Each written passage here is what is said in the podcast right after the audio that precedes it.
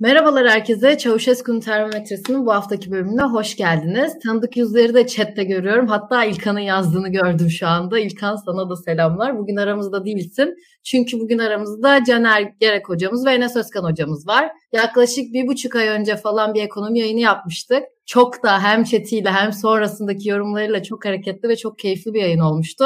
Tekrar ne zaman yenisi gelecek derken gerçekten bugüne kısmetmiş deyip size hoş geldiniz diyorum bize eşlik ettiğiniz için. Bugün çok fazla konuşacak şeyimiz var. O yüzden çünkü size sormak istediğimiz çok fazla şey var. Yani benim Twitter'dan da takip ettiğim ekonomiyi anladığım kadarıyla okumaya çalıştığımda da anlamadığım çok fazla parametre var şu anda. Hem Türkiye ekonomisinde hem de dünyada gördüğümüz. Bugün de sizden ricam sizinle birlikte böyle bir konuşma ortamında bize birazcık anlatmanız aslında. O yüzden de tekrar teşekkür ederiz geldiğiniz için. Birazcık ekonomiye dalmadan önce ben bugün yayını bir şeyle açmak istiyorum. Onur Şener, Ankara'da bir müzisyen. Ee, geçtiğimiz günlerde gerçekten cinayete kurban gitti. Yani istek istedikleri şarkıyı söylemedikleri için programın sonunda öldürüldü. Bunun için bir başsağlığı dileyerek e, devam etmek istiyorum. Bu aslında bir noktada ülkemizde kutuplaşmanın bir sorunuydu. Ya da böyle okumak gerekir mi en azından ben öyle gördüğümü söyleyebiliyorum. Yani her yayında bir kadın cinayeti, herhangi bir cinayet konuşuyoruz ve bunlar bu ülkede bitmiyor. Bunların bitmesi için de gerçekten çok bir şeyler yapmamız gerekiyor ya da umut düzleyerek böyle yayını açmak istiyorum. Bu konuda bir şey söylemek isterseniz Enes Hocam size verebilirim sözü.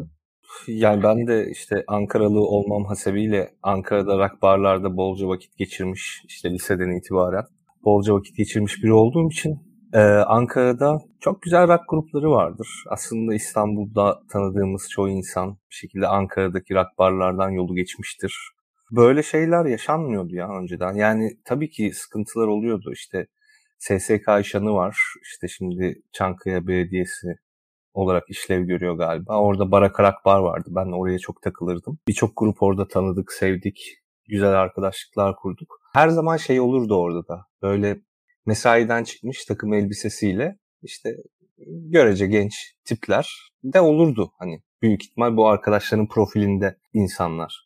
Biz daha böyle genç işte ergen tripli olduğumuz için onlara böyle daha küçümser gözle falan filan bakardık. Halbuki adam işte işinden çıkmış iki müzik dinleyecek, bir bira içecek, bir şey yapacak, gidecek yani. Onlara biraz böyle garip gözlerle falan bakardık. Ama hiç böyle sorunlar yaşadığımız vesaire hatırlamıyorum. Tabii bu olaylar artık bireysel deneyimlerin çok daha ötesinde aşırı can yakıcı şeyler haline geldi.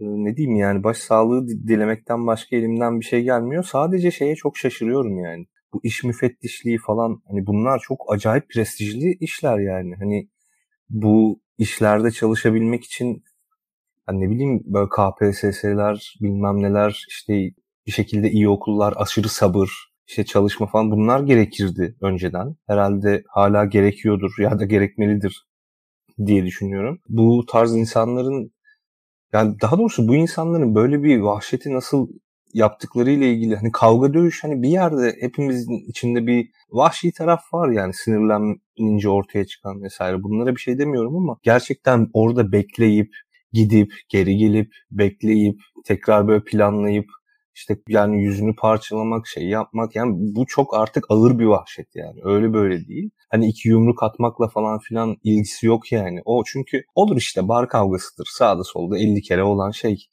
bir yerde ya dayağınızı yersiniz ya dayak atarsınız, çekip gidersiniz. Herkesin başına biraz biraz benzer şeyler gelmiştir. Oluyor maalesef ama bu, bu vahşet seviyesi beni inanılmaz şaşırttı. Yani hem bu vahşeti uygulayanların profili açısından vesaire artık hani gerçekten o toplumsal barış dediğimiz noktadan gitgide uzaklaştığımızı daha güçlü bir şekilde hissediyorum. Yani böyle çok büyük analizler vesaire yapmıyorum ama yani bu vahşeti işleyenlerin profili beni o büyük analizler yapmaya itiyor. Çünkü bende bir korku doğuruyor. Yani bunlar böyle hani sokakta elini kolunu sallayarak gezen işte alelade insanlar değil gibiler. Yani toplumun en elit işlerini yapan insanlar ya hani en elit işlerinden bazılarını yapan insanlar gibiler yani bürokraside böyle bir vahşet işleyebilmeleri beni inanılmaz korkutuyor yani. Hani her şeyi geçtim sırf bu açıdan bakınca kendim bireysel olarak korktuğum için böyle büyük, analizler yapmaya zorlanıyorum kendi içimde.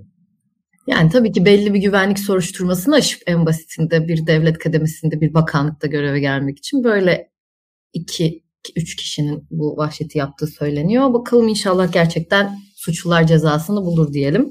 Bu şeyden sonra da bir an önce ben ekonomiye dalmak istiyorum. Çünkü gerçekten benim aklımda yani hem bu ülkenin huzuru açısından hem de ekonomi açısından çok fazla sorun var ama ülkeye inmeden önce birazcık dünya ekseninde size sormak istediğim şeyler var. Caner Hocam siz gitmedim.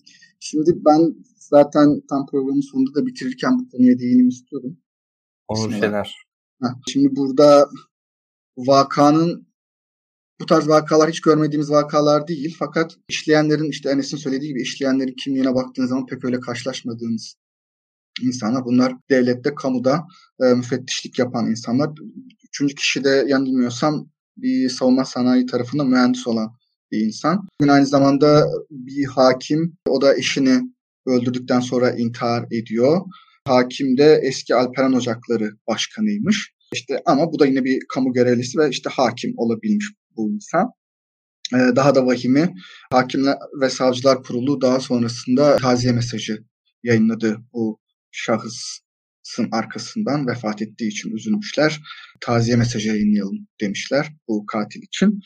Dolayısıyla iki tane aynı günde iki tane böyle vaka ikisinde de üst düzey aslında kamu görevlilerinin olması aslında kamuya alınan insanların son dönemlerde hangi nitelikte olduğuna dair bize kötü çok kötü sinyaller veriyor ve bu cinayet işleyen birisinin de eski Alperen bunun da benim için Alperen Uzakları Başkanı olması ve bunun hakim ve savcılar kurulu tarafından taziye mesajıyla aslında sanki ortada bir cinayet yokmuş gibi gayet taziye mesajı yollanması hakikaten skandal derecede şey. Zaten sonradan da silmek zorunda kaldılar. Bir de eşine de taziye ediliyorlar. Abi yani inanılmaz ya artık gerçekten yani sinirlenmenin e, hat safhası. Yani eşine de taziye ediliyorlar yani. yani bu, yüzsüzlük mü artık ne? Nasıl bir şey? Nasıl bir aymazlık? İnanamıyorum yani. Yani bu hakimler ve savcılar tarafından son dönemlerde çok sayıda da böyle şeyler, vakalar, rüşvetler, yolsuzluklar, ilişkiler falan böyle işte kadın erkek ilişkileri falandı filandı böyle şantajlar vesaire oldukça çok görmeye başladık. İşte bu da son birkaç senedir aslında hani bu kamuya yüklü bir şekilde özellikle de bu 15 Temmuz darbesinden sonra alınan insanların hızlı bir şekilde kontrol edilmeden, dikkatlice incelenmeden alınan insanların getirdiği noktalardan bir tanesi olarak gözüküyor. Kamuda durum, son durum bu maalesef. Yani tekrar burada gerçekten liyakate dönüş neredeyse her yayında ya da herkes der yazısında vurguluyor. Buna döndüğümüz bir Türkiye'yi hepimiz hayal ediyoruz. Umarım gerçekten böyle bir Türkiye'ye döneriz ve böyle vahşetleri tekrar yaşamayız diyerek böyle burayı şimdilik birazcık park edip ekonomiye geçelim. Sizinle beraber konuşmak üzere. Ekim 1 Ekim'den beri 2-3 gündür falan ben Twitter'da gezerken de görüyorum. Hatta siz de yollamıştınız Enes Hocam bir bana. Deutsche Bank ve Credit Suisse hisseleri inanılmaz bir düşüşte. 2008'de Lehman Brothers'ın yaşadığını bu sene 2022'de Deutsche Bank ve Credit Suisse mi yaşayacak? Yani biz Türkiye'deki ekonomik krizi konuşuyoruz. Hatta yayının kalanında da bunu konuşmaya devam edeceğiz. Ama dünyada neler oluyor? Dünyada gerçekten küresel ekonomi bazında bizi neler bekliyor? Bu düşüşler ya da CDS'ler geçen yayında siz CDS'i anlatmıştınız gerçekten nedir ne değildir seviyesinde ekonomi ya başlangıç seviyesinde bizlerin de anlayabileceği kadar ama bu durumu nasıl özetlersiniz? Bize nasıl anlatmak istersiniz? Çünkü gerçekten çok ekonomi bilgisi olmayan bizlerin de kafası birazcık karışık bu konuda. Can Hocam sizinle başlayalım isterseniz. Şimdi ben daha önce Deutsche'yi geçmiş yaşadığı skandalları falan daha önce okumuştum. Bununla ilgili çok da güzel Dark Towers diye bir kitap var. Deutsche'nin geçmişte yaşadığı skandalları falan anlatan. Şimdi gündemde Deutsche ve Credit Suisse olunca biraz aslında Deutsche üzerinden anlatacağım. Credit Suisse'in de çok benzer yani inanılmaz benzer değil ama benzer bir hikayesi. Yani son günlerdeki değil de asıl böyle bu işi buraya getirenlerin ne olduğunu anlatmaya çalışacağım. Ama bunu Deutsche üzerinden anlatacağım. Sonra da zaten Credit Suisse tarafı da 3 aşağı 5 yukarı özü itibariyle bana kalırsa benzer bir hikaye. Şimdi Deutsche bildiğiniz üzere Alman bankası işte çok eski de bir banka. Zaten adı üstünde Deutsche normal. 1900'lü yıllarda falan bu şirket, bu banka işte şey yapan bir banka. Büyümekte olan şirketlere kredi veren ve onlarla hızlı büyüyen bir banka. Böyle bireysel kredileri falan vermekte pek gönüllü olmayan tamamen kurumsal şirketlere, hızlı büyüyen kurumsal şirketlere kredi vererek onlarla beraber hızlı büyümeye çalışan bir banka.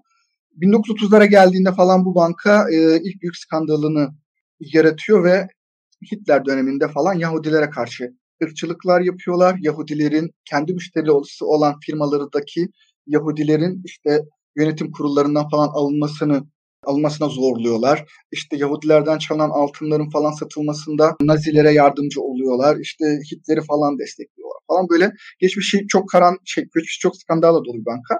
Fakat bu bankanın 80'ler sonu 90'lar başında hikayesi 80'ler sonunda bireysel bankacılığa daha çok dönmüşken daha böyle geleneksel bankacılık yaparken yani geleneksel bankacılıktan kastım şu işte mevduat toplarsınız.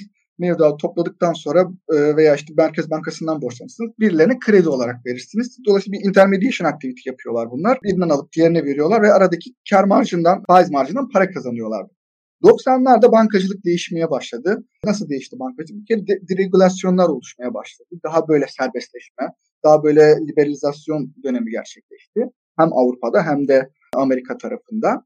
Bir yandan da yeni finansal ürünler çıkmaya başladı. Finansal inovasyonlar başladı. Bu finansal inovasyonlarla birlikte türev piyasaları ortaya çıkmaya başladı. Türev piyasaları nedir? Yine en baştan alalım. Türev piyasası sözleşmenin şu an olup işlemin daha sonra gerçekleştiği piyasalardır. Bir de spot piyasa vardır bizim. Sözleşmenin ve işlemin aynı anda gerçekleştiği piyasadır. Biz bugün gidip borsada bir hisse senedi aldığımız zaman anlık işlem gerçekleşir. O mesela spot piyasadır. Fakat bir de vadeli işlemlerin gerçekleştiği, sözleşmenin bugün yapıldığı fakat vadenin daha sonra gerçekleştiği, vadeli işlemlerin yapıldığı bir türev piyasaları vardır. Bunlar 90'lı yıllara gelince bu piyasaya doğru geçişe geçiş yapıyorlar. Bunu da nasıl yapıyorlar? Deutsche bir Alman bankası iken yavaş yavaş firma içerisindeki e, Amerikan yöneticilerin çoğalmasıyla yavaş yavaş böyle bir Amerikan tarzı yönetime doğru geçiyorlar. Ve de işte hani Wall Street'e, aç, Wall Street'e açılıyorlar. Oradan Amerika'dan bir banka alıyorlar. Onunla birleşip daha doğrusu onu satın alıp orada Amerika'da büyümeye başlıyorlar ve tamamen Amerikan mantığıyla yönetilmeye başlıyorlar. Tabii bir yandan bu inovasyonlar, bir yandan bir serbestleşme, bir yandan da işte bu risk piyasaları oluşuyor. Trade piyasaları aynı zamanda çok riskli piyasalardır. Ee, yavaş yavaş normal geleneksel bankacılıktan böyle bir risk piyasalarına doğru yol alıyorlar ve o dönemde aslında herkes böyle bu trade piyasalarına geçelim, işte riskleri ölçelim. Çünkü risk ölçmek falan 90'larda başlayan bir şey. Özellikle JP Morgan tarafında başlıyor bu işler. Bugün işte geçen yayında tartıştığımız o CDS'ler falan 90'lı yıllarda falan ilk JP Morgan tarafından böyle riski ölçmek için e, kullanılan enstrümanlardan bir tanesi. Yine Value at Risk model diye dünyaca tanınan bir model var. Yine JP Morgan çıkartıyor onu da. Bunlar normal geleneksel bankacılık yaparken JP Morgan böyle trade piyasalarına falan e, trade piyasalarını falan geliştiriyor. Buna diyorlar ki ya biz sadece kredi satmayalım aynı zamanda bir trade piyasalarına da girelim diyorlar ve zamanla %86'ya kadar yani yanılmıyorsam %86 idi. Karlarının %86'ya kadar, kadarını falan bu trade piyasalarından, riskli piyasalardan elde etmeye başlıyor ve Amerikan e, bankası mantığıyla yürütülüyorlar. Tabii Amerikan bankası mantığıyla yürütülmeye başlayınca şuna önem vermeye başlıyorlar. Bizim için başarının, performansın en önemli göstergelerinin başında hisse senedinin fiyatı geliyor diyorlar. Eğer bizim hisse senedimizin fiyatı yukarıya doğru gidiyorsa, ne kadar yukarıya doğru gidiyorsa biz o kadar başarılıyız. Yok aşağıya ne kadar aşağıya doğru gidiyorsa biz o kadar başarısız diyorlar. Dolayısıyla kendileri için bir gösterge var orada. O da e, hisse senedi fiyatı. Ve bir yandan da diyorlar ki şirket yöneticilerine siz hisse senedi fiyatlarını e, ne kadar yukarıya doğru götürürseniz o kadar da siz de kazanın. Bunda nasıl yapalım? İşte size hisse verelim. Dolayısıyla şirket yöneticileri, CEO'lar ve onun alt kademelerindeki yöneticiler, üstleri yöneticiler hisse senedinden yukarıya doğru gidişinden faydalanıyorlar. Dolayısıyla onların da amacı biz ne kadar çok hisse senedini yukarıya doğru götürürsek, daha doğrusu veya başka bir açıdan ne kadar karlı olursak o kadar e, bizim için iyi daha çok kazanırız diyorlar. Ve bir yandan da alt yöneticileri diyorlar ki siz de ne kadar çok bu şirkete, bu bankaya iş getirip ciroyu arttırırsanız o kadar bonus alacaksınız diyorlar. Dolayısıyla burada kısa dönemde ne kadar çok kazanırsa şirket o kadar hisse senedi yukarıya gider biz de o kadar kazanırız düşüncesindeler. Bu da aslında 2008 finansal krizinde ve daha sonrasında veya öncesinde 90'ların sonra 2000'in başlarında aslında bankacılık sektöründeki temel sıkıntıyı ortaya çıkartıyor. Kısa dönemli bakmaya başlıyorsun. Short termism diyorlar Amerikalılar. Kısa dönemli bakış açısıyla biz günü yaşayacağız. Uzun dönemli şirketin karlılığına, geleceğine, işte kredibilitesine bakmayacağız. Bizim için şu an önemli olan bu şirketi bir an önce karını maksimize etmek. Bizim başka bir e, sorumluluğumuz yok. Dolayısıyla siz kısa dönemli baktığınız zaman uzun dönemdeki şirketin performansı, şirketin kredibilitesi vesaire hiçbir şey görmüyorsunuz. Siz maksimum derecede karı sağlamaya çalışıyorsunuz. Sizin amacınız, motivasyonunuz bu olduğu zaman da iş çığırın bir yerde çığırından çıkmaya başlıyor. Nasıl çığırından çıkmaya başlıyor? Sizde etik değerler ve ahlaki değerler, kar hırsı, işte bu açgözlülük falan oldukça e, hızlı bir şekilde sizdeki o bu hisler ya da işte karakterler birden dominant hale gelmeye başlıyor ve siz bu sefer etiği, ahlakı, işte hukuku, daha doğrusu hukuku da bir yer, evet hukuku da diyebiliriz ki en başta diyeceğiz hatta. Hukuku bir yere bırakıyorlar, biz, biz olabildiğince çok kar elde edelim diyorlar. Ve ondan sonra Deutsche, ben buradan not aldım birkaç tane skandalını. Deutsche e, illegal işlere girmeye başlıyor. Nasıl illegal işler var burada? Mesela Rus oligarkların korrupt paralarını yani böyle yolsuzlukla elde ettikleri işte Rusların Rus halkından kaldıkları paraları nasıl temize çekeriz? Mesela bunun için e, oligarklarla falan işbirliğine girmeye başlıyorlar. Orayı temizlemeye çalışıyorlar. Bir yandan işte otoriter ve diktatörlerle işbirliği içerisinde gidiyorlar. Onların işte genelde dolara ihtiyacı oluyor, likit bir paraya ihtiyacı oluyor ve bunun fiziki paraya ihtiyacı oluyor. Bunları sağlamaya başlıyorlar. İşte bunu Suriye'de yapıyorlar, Burma'da yapıyorlar, İran'da yapıyorlar, Sudan'da yapıyorlar. Birçok ülkede bu isimlerle bir araya gelip e, kar maksimizasyonu yapmak için kar hırsıyla bir an önce biz buralardan e, iyi paralar kazanalım diyorlar. Ve dolayısıyla karşıdaki insanın bir diktatör olması, bir otoriter bir rejimin yöneticisi olması hiç umurlarında değil. Buralardan işte kazançlar elde etmeye çalışıyorlar. Böylece bu insanların terbiye edilmesine, cezalandırılmasına falan ve işte yaptırımlar uygulanmasının yolunu kapatıyorlar. Çıkış noktası oluşturuyorlar. Bunun dışında Yine 2008 finansal krizinde işte 3.3 milyar ceza yemişler. Çünkü çok riskli türev piyasalarında işlemler yapmışlar. O nedenle cezalar yemişler. Libor piyasası var. Libor piyasasında Türkiye mesela Türkiye'den bir banka gider Londra'da borçlanmak istediğinde bir Libor denen bir faiz oranı vardır. Eskiden bu çok kullanılırdı. Sanırım son zamanlarda kalkacak diye bir şey vardı da çok emin olamıyorum. Bu Libor piyasası Londra'daki bankaların kendi aralarındaki borçlanma faizidir. Bir o faizi ödersiniz. Üstüne kendinizin ve ülkenizin riskliliğine göre daha yüksek faizler ödersiniz. Libor artık riskliliğiniz diye düşünüyoruz. Bu Libor'u yukarıya çekmeye çalışıyorlar. Diğer bankalarla işbirliğine gitmişler. Demişler ki biz işte bu faiz oranlarını yukarıya çekelim, beraber işbirliği yapalım. Bunu yukarıya çekelim ve daha yüksek faizler elde etmeye çalışalım demişler. Buradan e, cezalar yiyorlar. Fakat bunların böyle hani en böyle bilinen vakalarından bir tanesi daha böyle Donald Trump'ın işte 2016'da seçimi kazanıyor ama 2016'da seçimi kazanmadan önce Donald Trump'a e, seçim kampanyasına bayağı bir destek veriyorlar. Bunu nasıl yapıyorlar? İşte Donald Trump golf sahası var. Golf sahasını işte yenilemek için e, kredi ihtiyacım var diyor mesela. Hiçbir yerden kredi bulamıyor doğru düzgün. Deutsche Bank'tan gidiyor mesela borçlanmaya çalışıyor. E, Deutsche Bank'ı ikna etmeye çalışıyor. Donald Trump da yani bu piyasada Amerikan şey, Amerikan başkanlığı yapmış bir isim ama bankacılık piyasasında falan herkesin böyle kaçtığı falan da bir isimdir. Çünkü söylerim böyle bir şey ama sahtekarın da önde giden bir adam. Yani her türlü sahtekarlıklar falan beklenir bu piyasada ondan. Ve Trump riski diye bankacılıkta falan risk vardır. Öyle şey bir adamdır. Herkesin illallah ettiği, kaçtığı. Bir yandan yalanı çok söyler. Zaten hani normalde de biliyorsun başkanlık şeylerinden falan. Biraz konunun Caner lafını kesiyorum da şey e, millet sever işte öyle tipleri. Yani iş bitirici esnaf hani anladın mı? Hani iş bitirici. Bitiriyor. Milleti dolandırmış. Yani bir şey var hatta Atlantik projesi var. Atlantis projesi var. Holiday Inn'i ikna edecek mesela Trump. Trump. Yani bu bankacılık olayı değil ama anlatayım bu yeri gelmişken. Holiday Inn'i ikna etmek istiyor. E, ortak olsunlar. Atlantis projesine girsin istiyor. Çağırıyor işte o atla, şeyin Holiday Inn'in şirketin yöneticilerini. Gösteriyor işte bakın işte projemizi başlattık. Şu an işte kazılar var. Kamyonları falan getirmişler oraya. Kazılarımız falan başladı. İşte projemiz başladı. Gelmek isterseniz gelin. Bu çok iyi proje falan diye. Meğer o gün yöneticilerini çağırmış demiş ki bana olabildiğince kamyon bulun etraftan. Biz bugün böyle bir inşaatımız devam ediyormuş gibi gösterelim. Holding işte gelecek. Onlar işte biz şeyimiz başladı. Çalışmalarımız başladı. Proje takır takır yürüyor falan diye. Bunu da böyle rahatlıkla falan da anlatan bir adamdır Trump. Bak böyle böyle yaptım. Adamları böyle kandırdım.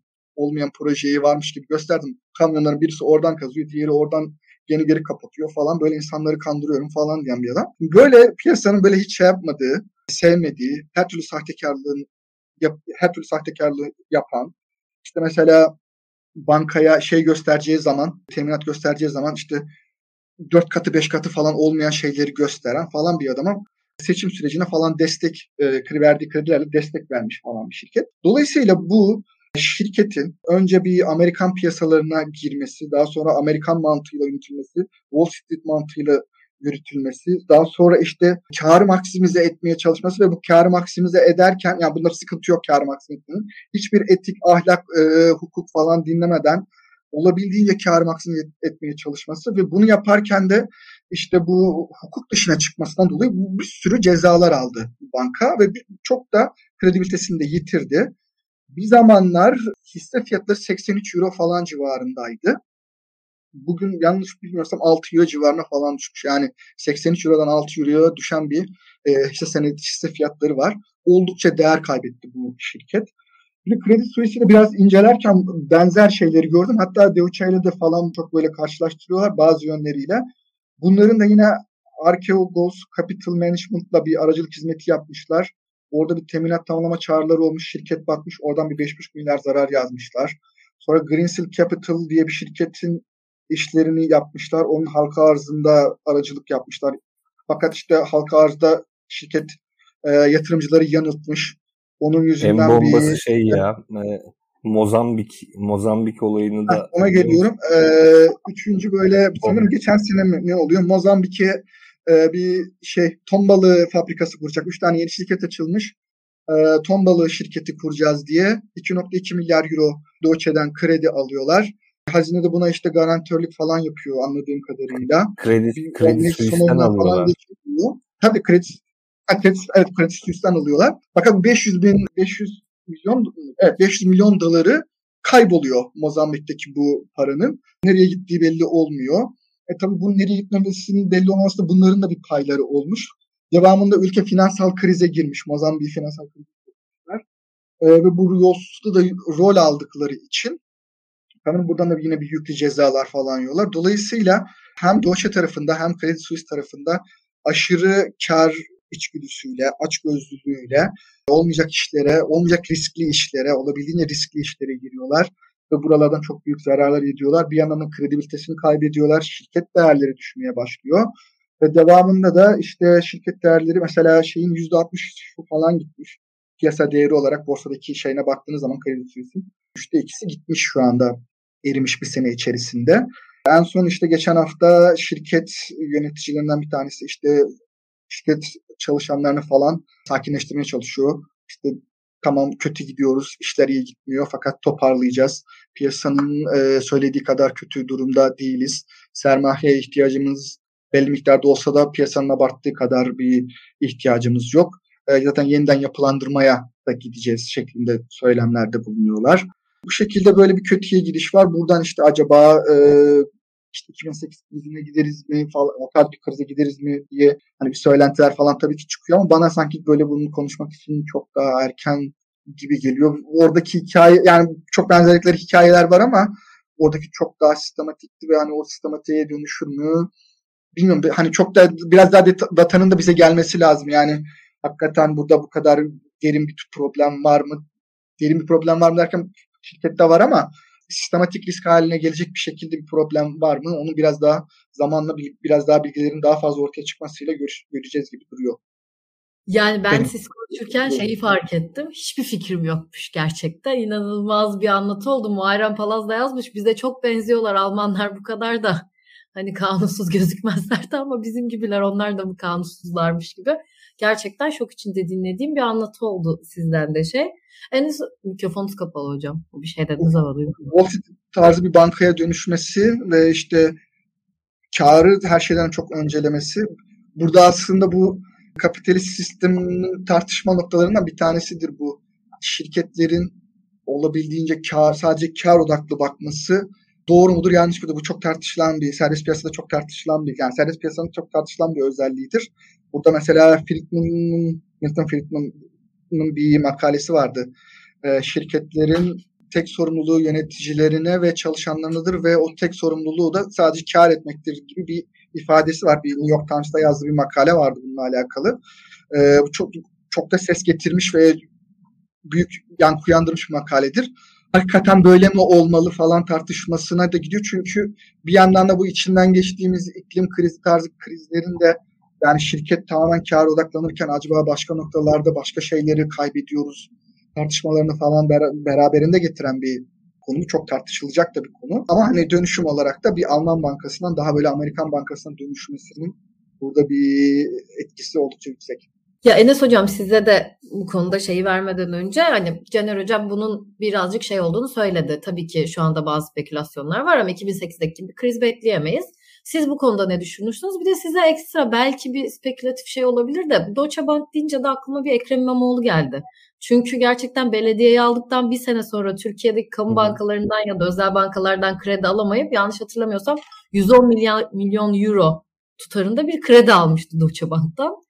O kadar yanlış yüksek bir o Bayağı kadar yüksek kredi almış diye hatırlıyorum. Hmm. Tekrar bir internetten bakarım şimdi. Bunlar hakkında genel olarak ne demek istersiniz ya da genel olarak bu durumu siz nasıl yorumlarsınız? Ya şimdi aslında bu işlerin hepsi, şimdi Caner çok güzel özetledi zaten. Ya bankacılık aslında çok güvene dayalı bir şey.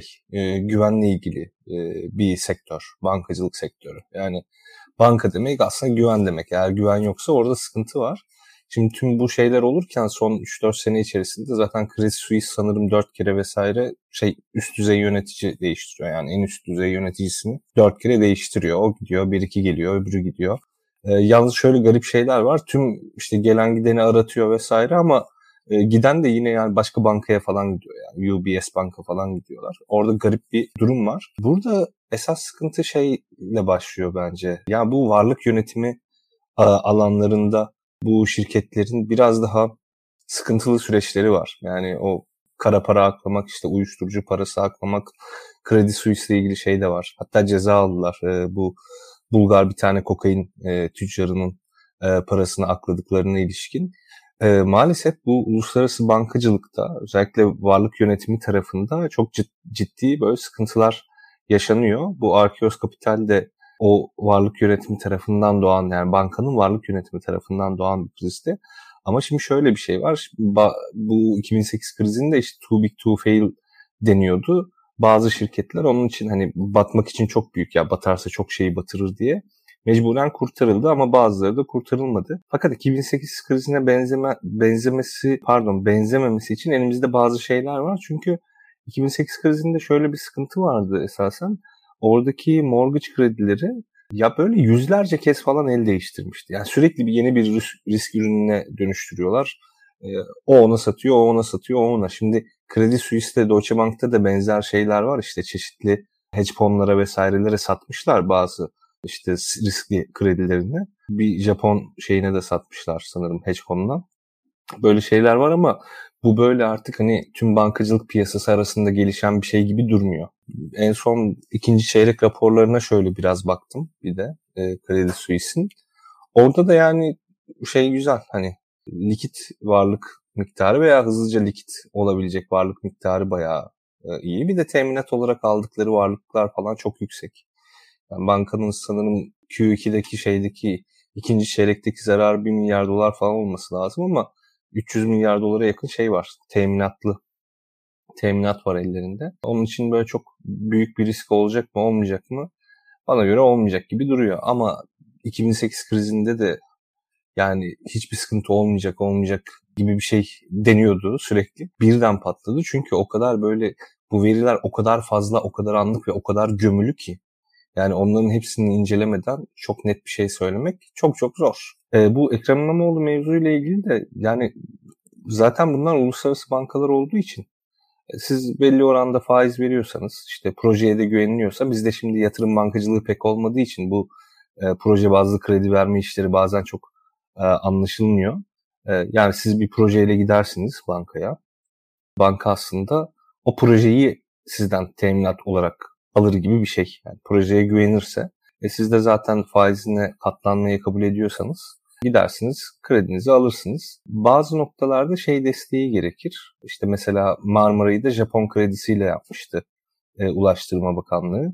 Japon Kalkınma Bankası'ndan bir kredi almışlardı. Ya bizim Exim Banka benzer bir banka var Japonya'da da. Oradan bir kredi almışlardı. Öyle yapmışlardı. Eğer hani arkanızda bir devlet garantörlüğü vesaire varsa daha ucuz faizle borçlanırsınız. E yoksa projenizin niteliğine bağlı olarak daha yüksek faizle borçlanırsınız. İstanbul Büyükşehir Belediyesi de görece yüksek faizle borçlanıp Deutsche Bank kredisini almak zorunda kalmıştı.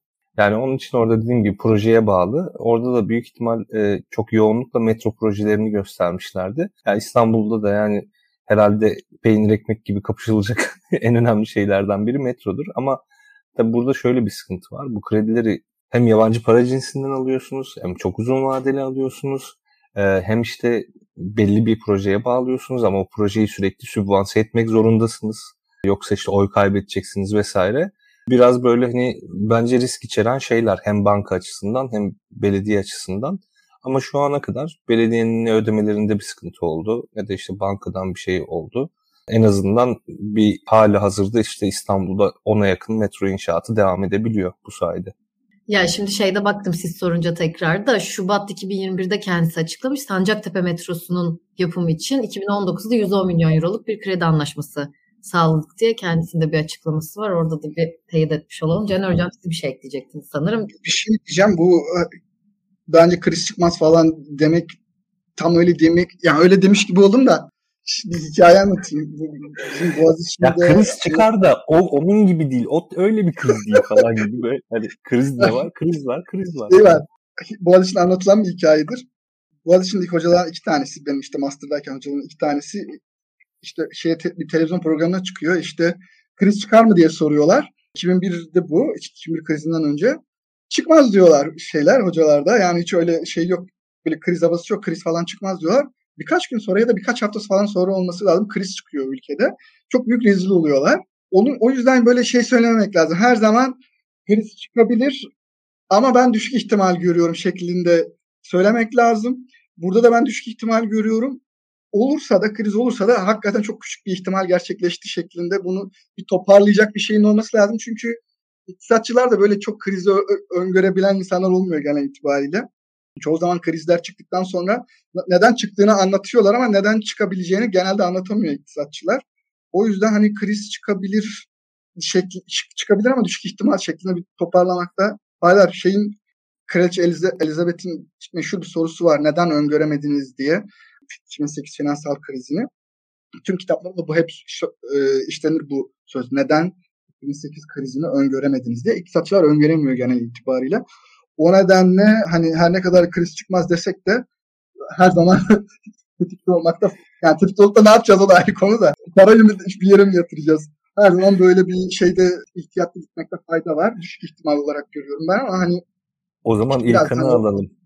İlkan'ı alalım. analım. Ee, işte İlkan geçen şey işte bizim WhatsApp grubuna Pırıl'da var şey yazmış işte altın alın gençler falan gibi bir şey yazmış. Dedim ki yani tam acemi hatası ya. Yani böyle bir şey dedim asla diyemezsin. Yani alın satın demeyeceksin. Portföyünüzde altın bulunmasının faydalı olduğunu düşünüyorum. E, bugünkü şartlar bunu gerektiriyor. Şartlar değişirse tabii hemen tekrar yeniden konuşuruz. Mutlaka takip etmek lazım falan filan. hani bunu dedim acemi, acemi hatalarını yapma. Hakikaten öyle ama şu yönden haklısın. Şimdi krizler abi kriz zaten şeyi itibariyle öngörülmesi çok zor. Hani kelimenin böyle epistemolojik diyecektim ya az kalsın. etimolojik kökeni itibariyle bile öngörülmesi zor işte. Hani kalp krizi mesela onu da çok öngöremem. Ama bazı önlemler alırsın. O Sen şey yaşandıktan sonra. Evet. Yani kriz yaşandıkça hani diğer bir sonraki krize ilişkin yeni önlemler alırsın ama bu sefer senin önlem aldığın yerden değil başka yerden patlar. Mesela şu an bir mortgage krizi olabilir mi mesela Amerika'da? Yani neredeyse mümkün değil yani. O kadar fazla şey yapıldı ki buna ilişkin. 2008'lik krizi aynısı yaşanmaz. Ee, ya da Avrupa'da bir mali kriz yaşanma ihtimali şeylere baktığınızda çok zor. Hani o 2008 sonrasında olan şeylere baktığınızda ama başka bir yerden patlar yani. Hani sen ne kadar önlem alırsan al insan faktörünün olduğu her yerde kazalar, krizler, şunlar bunlar. Yani ne kadar kurallar olsa da şu olsa da bu olsa da oluyor. Kurumların etrafından, kuralların etrafından birileri mutlaka dolanabilir ya da daha zekice olduğunu düşündüğü yollar bulabilir. oluyor yani. Onun için öngörmek hakikaten zor ya. Ben iktisatçıları o açıdan suçlamıyorum. Sanki böyle siyaset bilimciler siyaset krizlerini görüyormuş. İşte mühendislerin her yaptığı makine müthiş çalışıyormuş. İşte doktorlar hiç masada hasta bırakmamış falan gibi. Ulan ne biçim iktisatçısınız böyle olurmuş. Öyle, e, olur kardeşim işte nasıl öngöreceksin? Gelecek yani. Gelecek gelmeden kimse geleceğin ne olacağını bilemez ya. Yani dünyada tabii ki bizim değiştiğimiz gibi ekonomi de değişiyor. Dün mortgage'da bugün belki bitcoin oldu. Yani kaç bitcoin krizi yaşadık daha 3-4 ay önce yarın başka bir şey yaşayacağız belki. O yüzden ihtiyatlı olmanızı ben de çok verimli görüyorum. Derken biraz... Amerika'da çıkar tekrardan mortgage krizi birden bu senesi söylemleri. Değil mi? Bir acemi hatası da ben yaptım biraz önce. Evet, gerçekten. Ama çok düşük. Yani bu şeyle hakikaten de ben de böyle kısa dönemde şey beklemem ama aynı konudan mortgage konusundan çıkabilir. Bu kadar kısa sürede çıkmaya, çıkmaz. Uzun dönemde bir yerde tekrardan buna unutulmaya başlanır. Veya şöyle düşünülmeye başlanır. Bu sefer başka denir şeyin böyle bir kitabı vardı. Schiller miydi? This Times Different diye. Geçmişteki birçok hata tekrar daha sonra tekrarlanıyor ve bu sefer farklı olacak diye şey yapıyorlar. E, kendilerini inandırıyor insanlar galiba. Ve sonrasında yine aynı hatalar yapılıyor ama bu kadar kısa sürede tabii ki ben de beklemem ama belli olmaz yine de olabilir yani biz bence çok şey anladık sizi diyerek burayı kapatayım. Çünkü chatte de inanılmaz bir şekilde Türkiye'ye geçmemiz bekleniyor şu anda. Ben de çok heyecanlı bir şekilde bunu nasıl Türkiye'ye bağlarız? Türkiye'deki birazcık enflasyonu konuşalım diye bekliyorum. Oraya geçmeden bu arada bir şey yapalım. Her geçen yayınımızda aktif değildi ama bu yayında katıl butonu abone değilseniz abone olabilirsiniz. Katıl butonu aktif. Yine chatten süper sticker yollayarak da bize destek olabilirsiniz. Onun duyurusunu küçücük bir yapmış olayım. Ondan sonra da hadi birazcık Türkiye'ye geçelim. Bugün tabii ki ayın 3'üydü. Hepimizin beklediği TÜİ'nin enflasyon rakamları açıklandı. Ya şöyle bir TÜİ'nin sitesine ben kendim bir vatandaş olarak girdim. 2 yıllık bu grafiğe baktım. 2 yıllık grafiğe baktığımda 2 sene önce 11 civarlarında olan enflasyon bugün 84, 83.4 Şah, Şahlanışı gördün mü şahlanışı? Cumhurbaşkanlığı yani, hükümet sisteminin şahlanışını. Yani inanılmaz şahlandık. Ben en son yani lisede geometri dersinde böyle bir grafik görmüştüm herhalde. Herhangi bir şeyde bu kadar sert yükselişi ve birbirinden bu kadar iki senelik bir grafiği görmemiştim. Böyle bir enflasyon rakamıyla karşılaştık bugün. Bunun hakkında ne düşünüyorsunuz? Ya benim tek düşündüğüm gerçekten Ocak'ta kira zammım gelecek ve Ocak'taki ben bu enflasyon rakamıyla nasıl bu zammı ödeyeceğim diye düşünüyorum normal bir vatandaş olarak. Siz nasıl yorumlarsınız? Daha önümüzdeki aylarda da bu artış devam eder mi? Şu anki bu tabloya ne demeliyiz? İki senede bu kadar fark herhangi bir ülkede görülmüş müdür ya da Türkiye tarihinden yorumlarla bunu söylemek isterseniz Enes Hocam sizin vardı herhalde söyleyeceğiniz bir şeyler. Evet ben kısaca değineyim sonra Caner'e e, aktarayım. Recep sen de bir numaralı görseli bir yansıtabilirsen bize ekrandan almadan çok sevinirim. Bu arada Pırıl bence sen enflasyon şeyi için çok korkma zammı için. Çünkü yani bunlar biraz bu ortodoks ekonomi, heterodoks ekonomi falan filan muhabbeti yapıyorlar ya. Büyük ihtimal zamlar için bir üst sınır yine getirecekler gibi geliyor bana. Oradan belki kurtaracak bir şeyin olabilir e, ocağa kadar. Yani şey o şey çıkmadan e, sabret. Bu arada şeye kadar devam ediyor seçime kadar değil mi? %25. %25 şu an aktif zaten. Ha %25 aktif bak Pırıl. Seçime kadar zaten... Ben, bana ben Temmuz okumuştum. Mesela Temmuz'da bitti sanıyordum onu bir şey olarak. Yok, Yo, aktif ama hani olarak... E, ev sahiplerine kadar kabul edecek onu zannetmiyorum yani. %25'i kabul etmez ev sahibi. İşte Caner tabii ev sahibi olduğu için ve biz de kiracı olduğumuz için. ben hem, hem kiracıyım hem ev sahibiyim de ben o kadar ne kadar biz, sad- biz sadece kiracıyız e, Caner onun için yani bir kiracı açısından yorum Yok ben %50 iken %30 falan yaptım. Ben daha aşağısında yaptım ama benim ev sahibim bana mesela ben de daha yeni yaptık. %90 yaptı bana. %90 da ben şey yapmadım. Evde bizim tabii biraz gerginlik oldu bu kadar şey kabul edilir mi diye. %90 zam. Yani ben o kadar zam aldım o kadar da ev sahibine verdim. Kiracıya hani bizim kiracıya yapar mıyım? %90 herhalde yapamam yani biraz utanırım yani %90. Ev sahibim utanmadı evet. ama ben utanırım yani mesela. İnşallah izler ve utanır diyeyim. Şeye geçeyim enflasyona. ya bu burada birkaç ülke seçtim. Neden seçtiğim aslında işte Türkiye'ye benzer ülkeler diyebiliriz bunlara. Aslında Güney Afrika, Güney Kore böyle birkaç ülke daha eklenebilirdi işte Arjantin falan da hızlıca böyle aklıma gelenleri işte seçtim.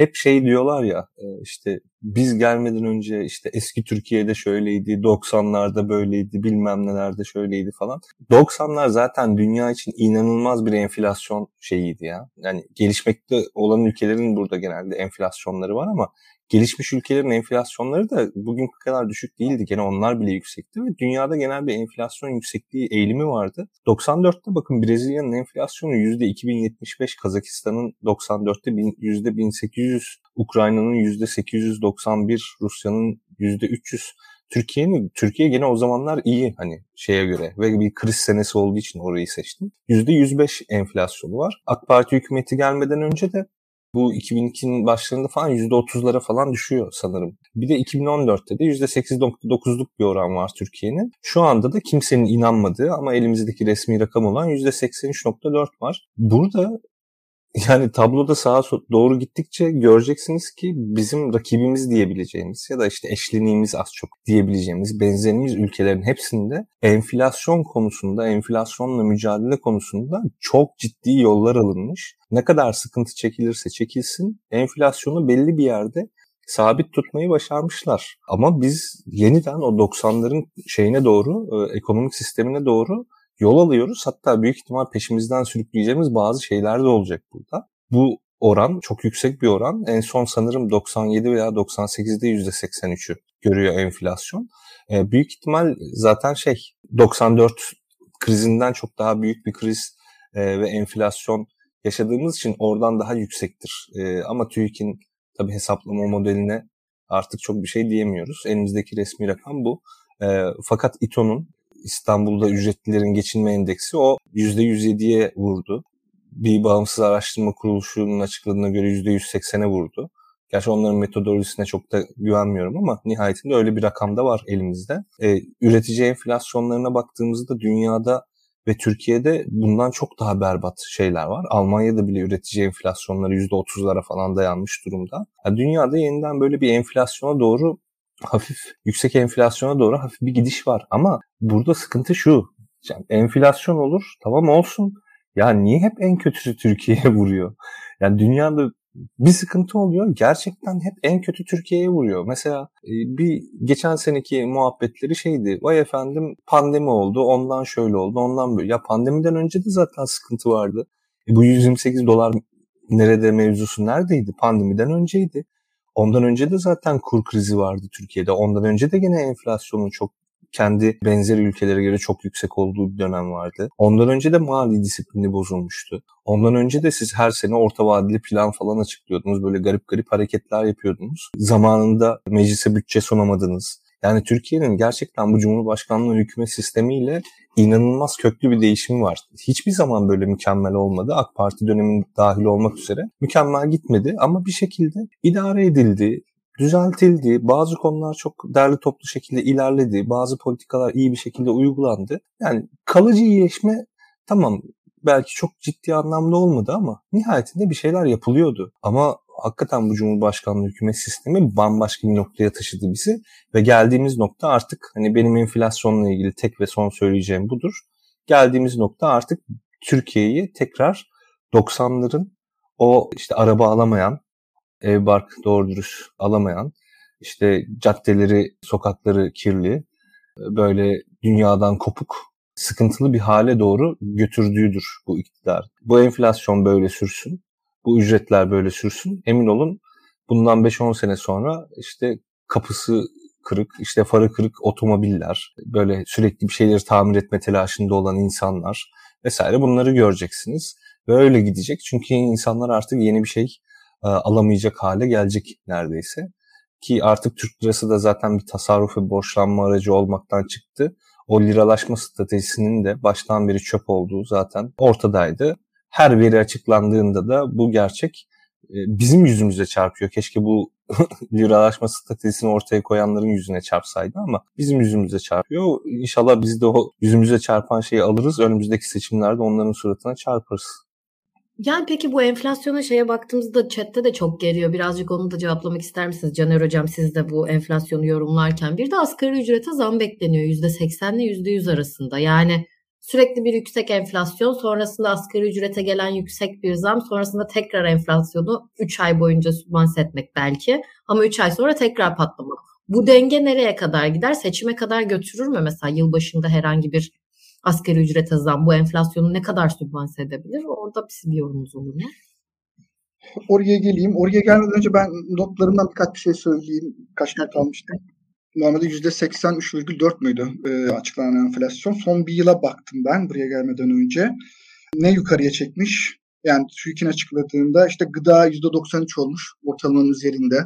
Ki gıdanın daha yukarıda olması demek aslında daha yoksul kesimin çok daha şiddetli bir şekilde bu enflasyonu yaşadığını. Yani %83'e göre bile daha yüksek yani 183 açıklanana göre daha yüksek, daha şiddetli bir alım gücü zorluğu yaşadığını gösteriyor. Ulaştırma yine %117'lik bir artış olmuş TÜİK'e göre. Haberleşme ise mesela düşürmüş %30,76 oranıyla. Eğitim mesela %36,69 olmuş. Giyim ayakkabı %40'da kalmış son bir senede. Bana bu pek şey gelmedi. Yani giyim ayakkabı da benim gördüğüm kadar çok hızlı bir yani her, şey, herhalde 2-3'e katladı diye görmüştüm ben ama TÜİK diyor ki %40 oranında e, son bir senede artmış diyor. Konutta %84 fiyat artmış diyor TÜİK. Fakat Merkez Bankası da bunun e, hesabını yapıyor. Merkez Bankası'na göre konut fiyatları %173 artmış durumda. Böyle bir çelişkili bir durum var. Onu sorunca TÜİK'e TÜİK diyor ki Merkez Bankası sıfır konut istatistikleri yayınlıyor diyor. Sanki sıfır konutların fiyatı %170 artınca eski konutlar %80 artıyormuş gibi. Aynen, o da yani ona benzer oranlar. Galiba. Yükseltmiyorlar galiba. Yükselenlere baktım. Bu ay üniversite eğitim %22 yükselmiş. Doğalgaz %20 yükselmiş. Elektrik %20 yükselmiş. Zaten burada doğalgaz elektriğe %20 şey yapınca burada da bayağı bir alım gücünü düşürecek bir unsur var. Düşenler tarafında patates %18 düşmüş bu ay. Balık %15 düşmüş. Palamut etkisi herhalde. Palamut bu sene fazla çıktı. Onun dışında dana eti %2 düşmüş bu ay. Ee, ve koyun kuzu eti %0.11 düşmüş. Bunla, bun, burası enteresan bir vaka. Bak Buradaki bu dana eti konusuna bir araya gireyim Caner. Büyük ihtimal bu şey vardı ya geçen ay e, süt fiyatını çok düşük açıkladıkları Aha, için. Onu, anlatacağım. Onu ben anlatayım. Anlat buyur kardeşim rica ederim dedim. Çalıştım buraya. Şimdi burada çok büyük bir sorun var. Buradaki sorun bir süt fiyatlarında bir sorun var. Süt fiyatlarını şu an Ulusal Süt Konseyi diye bir konsey var. Yani adı da bayağı şaşalı bir isim. Konsey fiyatı belirliyor. Çiğ süt fiyatlarını belirliyor. 7,5 TL olarak belirlemişler. Fakat üreticilerle konuşulduğunda işte Sencer Salakoğlu'na falan baktım. Bunlar o 10 TL'nin üzerinde bize bir maliyeti var diyorlar. Dolayısıyla bu insanlar her sattığı her sattığı litreden 2,5 TL falan zarar ediyorlar. Çünkü üretim maliyetleri çok yükselmiş durumda. Burada iki neden var üretim maliyetlerinin çok yükselmesinin. Bir tanesi işte yani normal dolar kurundaki artış var. Bir de savaş nedeniyle Ukrayna ve Rusya'dan gelen o mısır ve buğday gibi ürünlerin aynı zamanda yem tarafında da kullanılıyor. Onların bir türlü gelememesi sorunu var. Bunlar maliyetleri çok yukarıya çekiyor. Fakat fiyatı 7,5 TL'nin yukarısına çekmemişler. Şimdi fiyatı 7,5 TL'ye çekmeyen, şey, 7,5 TL olarak belirleyen kurum Ulusal Süt Konseyi Başkanı Harun Aynı zamanda seks sütün de sahibi kendisi. Orada fiyatı düşük tutuyor. Sonra gidiyor kendisi seks süt olarak bu sütleri ucuz fiyattan alıyor. Böyle bir sistem kurmuşlar. Ve de bu son konsey toplantısında bir zam beklerken zam yine gelmeyince en son üreticiler diyor ki bu artık bizim için son. Biz artık hani sabrettik sabrettik bir yere kadar. Bundan sonra biz böyle devam edemeyiz diyorlar ve dişi ineklerin zaten eskiden beri çok 2-3 senedir falan bu gerçekleşen bir durum. Yani kendi akrabalarımdan da görüyordum. Hakikaten e, kesime götürüyorlardı dişi ineklerini. Fakat bu olaydan sonra e, ciddi bir şekilde daha fazla, çok daha fazla kesime göndermeye başlamışlar. O yüzden şu dönemde biraz et bolluğu var ülkede. Bu istenecek bir bolluk değil tabii ki. Süt ineklerinin kesilmesinden kaynaklı bir et bolluğu var. Bu da fiyatları baskılıyor. Bakanlık e, bu peki 7,5 TL'de tutulmasını kim istiyor? Buna da biraz baktım. İşte bu Süt Konseyi tarafı istiyor. Bir yandan da Hazine ve Maliye Bakanlığı istiyor bunu. Yani burada Tarım Bakanlığı hayır bu fiyat düşük demiş. E, bu fiyatlarda bu e, çiftçiler geçinemez demişler. Bunun biraz daha yükseltilmesi lazım demişler. Fakat Hazine ve Maliye Bakanlığı karşı çıkmış. Hazine ve Maliye Bakanlığı ne alakası var diye sorarsanız tam da bu konuyla alakası var. Enflasyonu düşük tutmaya çalışıyorlar. Düşük tutmak için de buradaki cezalandırdıkları kesimde çiğ süt satan süt üreticileri. O nedenle burada fiyatı düşük tutuyorlar. Düşük tutup süt ve sütte bağlı ürünlerin fiyatları çok yükselmesini istiyorlar. O nedenle de burada şey yapıyorlar. Etin kilogram maliyeti yine çiftçi için 120 TL'ye falan mal oluyormuş. Fakat kesim fiyatları şu an 90 TL civarlarında. Sadece süt üreticileri değil, et için üretenler de sıkıntıya giriyorlar. Onlar da daha fazla bu işi böyle devam etmek istemiyorlar çünkü yem maliyetlerini karşılıyorlar. Onlar da bir an önce bir kısmı bir an önce daha fazla zarar etmemek uğraşıyorlar. Daha enteresan tarafı Sender Sarakoğlu'nun anlattıklarından dinlediğim. Bu tür durumlarda hükümetler genelde çok basit bir yola giderler. İthalatın yolunu açarlar. Özellikle et tarafında. Madem öyle biz de ithalatı açarız. İşte daha düşük fiyattan et alırız. Tarihte ilk defa Türkiye'deki et fiyatları e, uluslararası et fiyatlarının daha yukarısında kalmış. Daha aşağısında kalmış pardon. Onun yaptığı hesaplara göre işte kendilerinin şu anki maliyeti 120 TL dışarıdan geldiğinde bu etlerin maliyeti 160 TL falan olacak. Yani Türkiye'deki et o kadar ucuz kalmış ki dışarıya göre şey olarak. Tüm bu duruma rağmen, tüm bu alım gücümüzdeki duruma rağmen o kadar ucuz kalmış ki dışarıdan getirdiğiniz zaman çok daha maliyetli bir durum var. Ee, normalde eskiden çok daha ucuz oluyordu. Bizim işte et fiyatları biraz daha normal bir fiyatlarda. İşte diğer taraflar ucuz. Fakat artık Türkiye'deki et fiyatları o kadar ucuz kalmış ki şeye göre e, dışarıya göre dışarıdan getirmenin maliyeti yüksek olduğundan oradaki oradan da yani 150 binlik falan bir hayvan getirmek istemişler ama şu anda pek bir ilgi de yokmuş. İşin gittiği nokta şu anda işte süt ineklerinin kesilmesi bir kısmı böyle bir belli bir dönem için biraz bir et bolluğu oluyor maalesef. Bir yandan da işte süt inekleri kesildiği için uzun dönemli baktığımızda aslında hayvancılığı da öldüren bir durum ortaya çıkıyor. O nedenle bu dönemlerde et fiyatlarının et 2,44 falan düşmesi falan e, koyun kuvvetlerinin işte 11 düşmesi falan bununla alakalı. O nedenle hani bir şey iyi gidiyor gibi gözükse de aslında o şey kötü gittiği için iyi gidiyor durumu var ortada. Buradan da aslında bir yere var, şu sonuca da varabiliriz. Yani burada fiyatların yükseltilmesi istenmiyor. Fiyatlar yükseltildiğinde de bunu bu arada kaç kişi alacak? Zaten arz sıkıntısı var. E, eti bu fiyatlardan yani 160-180 TL'lere çıkarttığınızda veya sütü şu an Hani bize böyle mandırlardan falan alırsanız 11-12 TL. Yok işte marketlerden alırsanız herhalde 20 TL'lere falan dayandı. Bu sefer talep ne olacak? Şimdi biz enflasyon bir yere kadar canlı gitti. Bu kısmı işte talebin öne çekilmesinden kaynaklıydı. Bir kısmı işte zamlardan işte ilk aylarından zamla, zamların ilk aylarından kaynaklıydı. Fakat bu hikayenin de yavaş yavaş sonuna geliyoruz. Çünkü talep artık eskisi gibi artmıyor. Özellikle temel gıdalarda falan belki talebi bir miktar koruyabilirsiniz ama özellikle biraz daha talebi esnek olan ürünlerde yani az biraz fiyatını arttırdığınızda müşterinin çok çabuk kaçabileceği ürünlerde bu fiyat arttırımını gerçekleştiremiyoruz. İşte hafta sonu ev sahibimle konuşuyordum. Biz fiyat falan arttıramıyoruz dedi. O mesela küçük bir işletmeci. Yani kobilerde falan bu problem var. Oldukça yüksek. Onlar fiyat arttırmakta zorlanıyorlar. Çoğu da daha böyle biraz rekabetçi şirketler oldukları için birbirleriyle rekabet eden. Onların işleri biraz zor daha böyle hani borsadaki falan gördüğümüz çok yüksek kar elde eden ve sektöründe işte monopol olan veya oligopol olan şirketler çok daha rahat fiyatlarını arttırabiliyorlar. Yani eğer senin çok fazla rakibin yoksa ve bu biraz da temel bir ihtiyaçsa, talebi çok fazla düşmüyorsa fiyatınızı biraz arttırabiliyorsunuz. Sıkıntı olmuyor. Hatta bazen enflasyonun üzerinde arttırabiliyorsunuz veya enflasyon oranında arttırabiliyorsunuz. Mesela şişe camı takip ediyorum ben. Şişe cam çok rahat arttırabiliyor. Neden? Piyasada rakibi yok ve fiyatı arttırdığında talep düşmüyor. Fakat her sektör böyle sektör değil. Her sektör böyle sektör olmayınca özellikle küçük işletmelerde ve bazı sektörlerde siz fiyatları enflasyon oranında arttırmaya kalkıştığınızda talepteki bu düşüşten kaynaklı olarak artık talep olmuyor. Talep olmadığı için siz artık yavaştan yavaştan zarar etmeye başlıyorsunuz. O nedenle bu bir de hani bir yandan bu talebi arttıramıyorsunuz, bir şey fiyatı arttıramıyorsunuz. Bir yandan eğer siz bu şekilde asgari ücreti bu şekilde arttırmaya devam ederseniz, talep devam etmeye devam eder, asgari ücret artarsa burada maliyet tarafından bir artış, gelirler tarafındaki artışla desteklenemediği durumda şirketlerin birçoğu çok büyük zorluklar yaşayacak duruyor. O nedenle tahminim yani %50-60 herhalde yaparlar. Daha yukarısında yaparlar mı bilmiyorum ama hani tahminimce özellikle küçük ve orta boy işletmelerde bunun bizim için çok büyük zararları olur. Biz bunu karşılamakta çok zorlanırız diyeceklerini zannediyorum. Ama bir yandan da tabii çok fazla insan asgari ücret ve civarında bir şey aldığı için seçim öncesinde muhtemelen burayı hoş tutmaya çalışacaklardır. Birkaç ayda bu hoş olur. Yani böyle Ocak, Şubat falan aylarında falan şey olur ama ben onun devamını zaten bunu birkaç kere de yaşadık. Yani zamlar yapılıyor. Zamların özellikle Ocak ayındaki zamda bu çok olmuştu zamlarının birkaç ay sonrasında bu şey tekrardan alım gücü düşüyor. Asgari ücreti bilmiyorum yani Yapabilirler okey ama bunu yaptıkları zaman çok sıkıntıları doğacak gibi bana geliyor.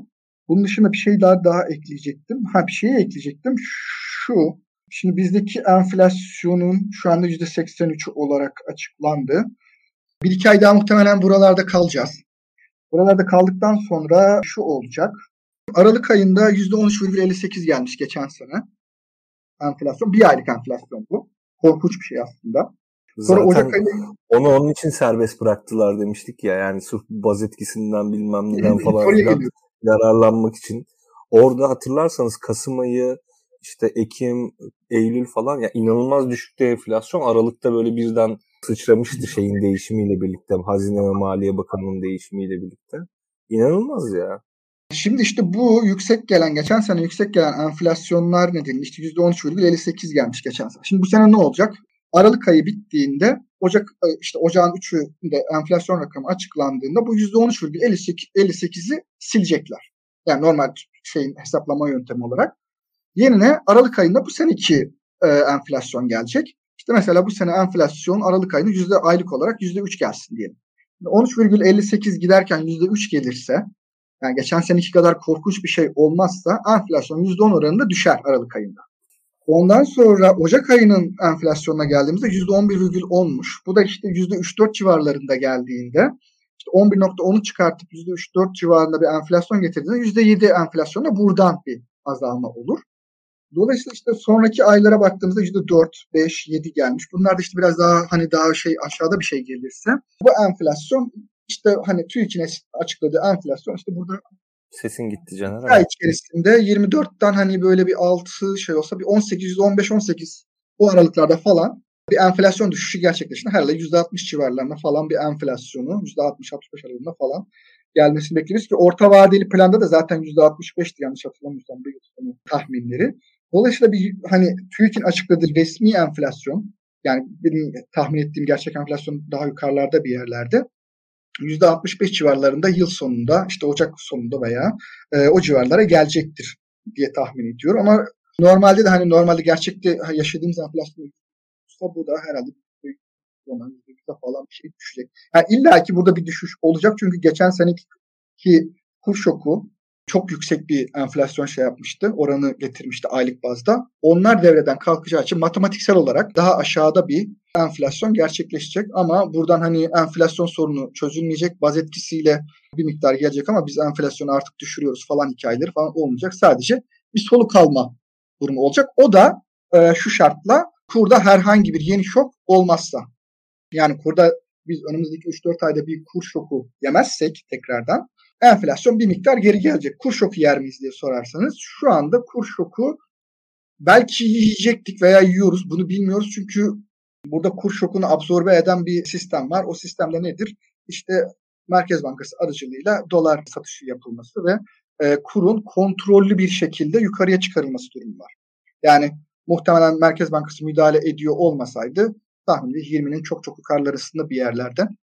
Hele de dışarıda durum bu kadar kötüyken işte bizim ihracat pazarlarımız kötü. Her ay işte bugün daha konuşamadık ama dış ticaret açığımız rekor kırıyor. Yani bu ay mesela 11 milyarın üzerinde bir rekor açık geldi. Burada da bir açığımız var. E bir yandan dolar güçleniyor. Bunlar bir yandan gerçekleşirken bir yandan Türkiye'nin riskleri hala devam ederken ve bu riskleri ve enflasyon riskine dair herhangi bir çözüm ortaya konmamışken herhangi bir şekilde mücadele yokken kurun buralarda kalması normal şartlar altında mümkün değil. Bunu işte sınırlayan şey Merkez Bankası'nın rezerv satışları. O da ne zamana kadar devam edecek? Elindeki ne kadar malzeme var bilmiyoruz. Çünkü bunu swap yollarıyla veya ikili ilişkilerle bir yerlerden de para buluyor. Bunu görüyoruz. Netatan 90 tarafından bir para girişi var. Bunu da görüyoruz. Bir yerlerden bir paralar geliyor. O gelen paralarla bu kur baskılanıyor ve kontrollü bir şekilde yukarıya çıkarılıyor. O nedenle kur şoku beklemiyorum ben kısa dönemde. Seçime kadar kur şoku beklemem. Biraz enflasyon düşecek gibi ama hani bu fiyatların düşeceği manasına da gelmiyor. Daha yavaş bir şekilde fiyatlar artacak. Oraya sizin yazınıza gelmeden önce bayağı önemli bir şeyden bahsettiniz. Aslında 2-3 tane şey. Birincisi benim aklımda kalan gerçekten bu bakanlıkların arasındaki şeyden dolayı bu süt fiyatlarının bu kadar etkilenmesi yani Çalışma Bakanlığı bir şey isterken Tarım Bakanlığı'nın buna karşı çıkması ama sonucunda yine böyle bir şey çıkması falan gerçekten benim ilk defa duyduğum, dinlediğim ve çok önemli bir şeydi. Üstünde durması gereken bir şeydi. İkincisi de aslında Aralık ayında Ocak'ta açıklanacak enflasyonun da birazcık düşeceğini bekliyoruz. Bunu da çok güzel metodolojik şeyde anlattınız. Çünkü geçen Aralık'ta ve Ocak'ta inanılmaz bir şok yaşamıştık. Böyle çok önemli ve altın çizmemiz gereken bir şey olduğunu düşündüğüm için tekrar bir tekrarlamak istedim. Enflasyonu da siz tabii ki ondan dolayı düşeceğini bekliyorsunuz ama asgari ücrete de 1.50-60 civarında da bir zam bekliyorsunuz. Enes Hocam o konuda size enflasyon konuşmuştuk ama e, asgari ücret zammını konuşmamıştık. Siz ne dersiniz? Yani gelse evet. bile ne kadar sübvanse eder, ne kadar gelir, nedir, ne beklersiniz? Evet, o Caner'in anlattığı baz etkisini o şey yayınında konuşmuştuk. Hakikaten durum bu. Şimdi büyük ihtimal 8 bin civarı bir şey. Tabii burada bir Erdoğan payı her zaman oluyor ya hani. 8 bin derler. Erdoğan da üzerine bir 500 koyar 8500 falan. Ya da işte öyle bir şey olur e, büyük ihtimalle. Ama orada şöyle bir sıkıntı var. Caner'in anlattığı şey çok doğru. Şimdi bugün İstanbul Sanayi Odası'nın işte PMI verileri açıklandı. PMI da işte satın alma müdürleri endeksi diye geçiyor. E işte neden satın alma müdürlerine anket yapıp işte bunu ekonomik olarak yorumluyoruz diye sorarsanız onun da nedeni şu.